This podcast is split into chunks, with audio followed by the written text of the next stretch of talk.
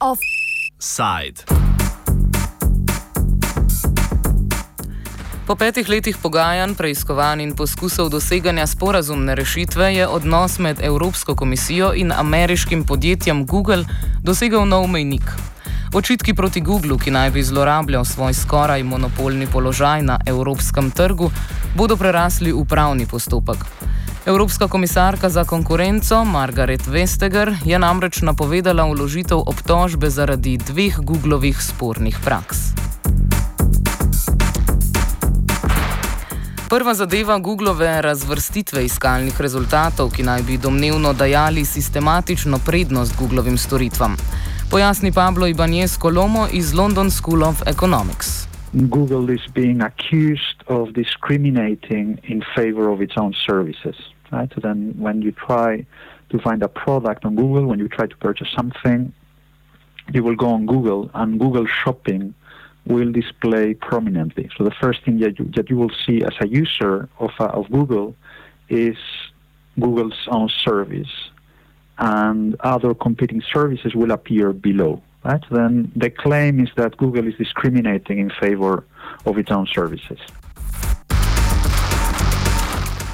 Druga preiskava domnevno spornega Googlovega ravnanja se nanaša na način, kako Google uporablja platformo Android, pojasni Lenard Kučič, poznavalec področja informacijskih tehnologij. Uh, ja, Android mislim, da so v zadnjem času tako bolj zraven, zato ker sama pretožba se je začela s tem, da so domnevno zlorabljali svoj manj položaj na trgu iskalnikov in da niso samo, um, da ta iskalnik ni samo neutralno prikazoval iskalnik zadetkov, ampak so Googlove storitve bile konstantno na boljših mestih kot tiste od konkurence. In se mi zdi, da so zdaj v zadnjem času tako uh, ugotovili, da bi pa dal zraven še Android. Kar se pa tiče Androida, so pa govorci na zadnjem mobilnem kongresu v Barceloni letošnjem opozarjali, da je Google kot dominanten igralec na področju, mislim, kot dominanten ponudnik Androida, da je začel vse več pogojev proizvajalcev telefonov in ponudnikov storitev tudi tako dajati. Recimo, če ne izpolnjuješ določenih um, njihovih pogojev, ne moreš biti navzoč na njihovi spletni trgovini, Google Play. Pol druga stvar, ki je bila, da ne smeš, recimo, če se kot Samsung obvežeš, da boš z njimi sodeloval, pa nisi smel izdelovati izdelkov, ki bi uporabljali tako imenovane modele uh, Androida, tega čistega Androida, ki niso vezani na Google storitve. In vse to, na kakšen način Google zdaj potencialno lahko zlorablja, svoj prevladujoč položaj, ali s tem, da izriva tekmece, s tem, da jih diskriminira na iskanju, ali pa s tem, da proizvajalcem mobilne telefonije in aplikacij diktira pogoje, pod katerimi lahko del androidnih platform, kar sploh prije pa še pri Google Wearu in pa te oblačilni elektroniki. No, to bo vse vprašanje za komisijo. Google se je sicer leta 2011 zaradi identičnih kršitev zagovarjal pred ameriškim kongresom. Zaradi nacionalnih simpatij se je takrat njegova obramba izkazala za uspešno, kakor nam pove Kučič. Ja, videli bomo, kaj bo z tega rata. Zato, ker uh, Google je bil na zelo, podobnem, na zelo podoben način, je bil uh, zaslišan že leta 2011 pred ameriškim senatom. Pred senatno komisijo, kjer so ga praktično isti uh, pritožniki porjavili senatorjem, kot ga zdaj tožijo pred Evropsko komisijo. In takrat je Erik Schmidt, takrat je bil predsednik uprave Google, razmeroma uspešno zagovarjal, da to pač ne delajo in da tudi sami nimajo tega absolutnega vpliva na svoj iskalniški algoritem. Če se pa seveda ni mogel dokazati, zaradi tega, ker je ta algoritem najbolj skrbno varovana Google skrivnost, skoraj bolj kot recept za Coca-Cola. In takrat so mu kongresniki recimo zaupali, malo tudi zaradi tega, ker je Google ena od najpomembnejših trenutnih ameriških tehnoloških korporacij. Vprašanje pa je, če bodo tudi evropski regulatori imeli enake simpatije do ameriškega tehnološkega velikana. Evropska komisija po pričakovanjih do Google tako ne bo milostna. Kakšne so torej možne posledice za Google, če tožba uspe? Iz podobnih primerov poznamo različne razplete. Ena možnost je denarna kazen, ki sicer lahko doseže vrednosti več 100 milijonov evrov, a dopusti Google, da nadaljuje s svojimi spornimi praksami, če presodi, da se mu kljub možnosti nadaljnih kazni to splača. Druga možnost je prisila, da spremeni način delovanja, če želi ohraniti prisotnost na evropskem trgu. Kolomo pravi, da so odprte vse možnosti. It's very difficult to say now. It's so much has happened that it's very difficult to anticipate. So, I mean, what you should note is that forcing Google to change its behavior is not incompatible with a fine being imposed, right? So the same may happen at the same time. So the Microsoft case you were asking about before in 2004 Well, a fine was imposed on Microsoft, 500 million euro, and Microsoft was forced to change its behavior, right? So then the two may happen at the same time. So what will happen? It is very difficult to anticipate.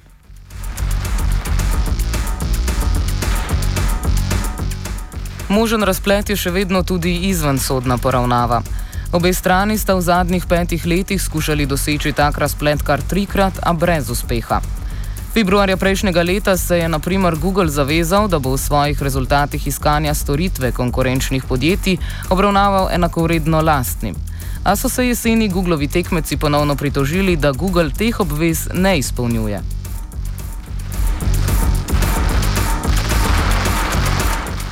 Z uvedbo sodnega postopka bo Google onemogočeno izigravanje Evropske komisije.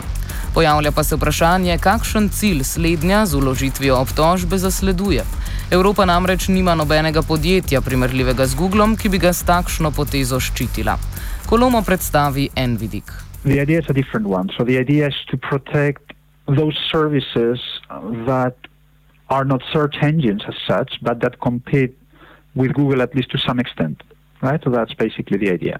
So think of the difference between TripAdvisor and Google, right? So then they're not the same thing. So then this whole case is not about competing search engines, something that does exactly the same job as Google. It's about services that are close to some of Google's activities, right? So price comparison websites, for instance. So you have plenty of European ones. Okay, so that's the that's one of the that's one of the ideas. Is that is that clear? Then think of TripAdvisor, think of Expedia. In all of those cases, you typically have a service that competes with some of Google's activities.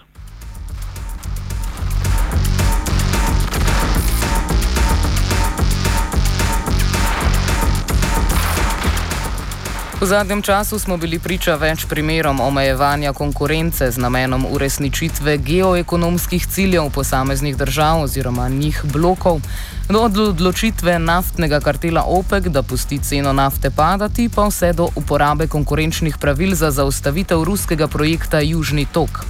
Na severnoatlantski relaciji pa smo pred enim mesecem opazovali stresne teste bank v Združenih državah Amerike, ki so jih prestale vse banke razen dveh evropskih: Deutsche Bank in Santander. Splošno znano je, da stresni testi niso objektivni in da je uspeh posameznih institucij lahko določen vnaprej z zastavljenimi pogoji.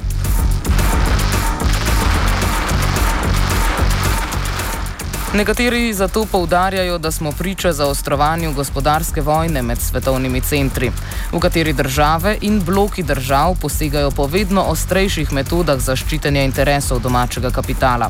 V to dogajanje, sledeč takšni razlagi, spadajo tudi najnovejši dogodki v primeru Google v Evropi. Temeljitejšo razdelavo omenjenega mnenja si lahko preberete na povezavi pod tem prispevkom na spletni strani. Offside sta pripravila Cviter in vajenka Maruša.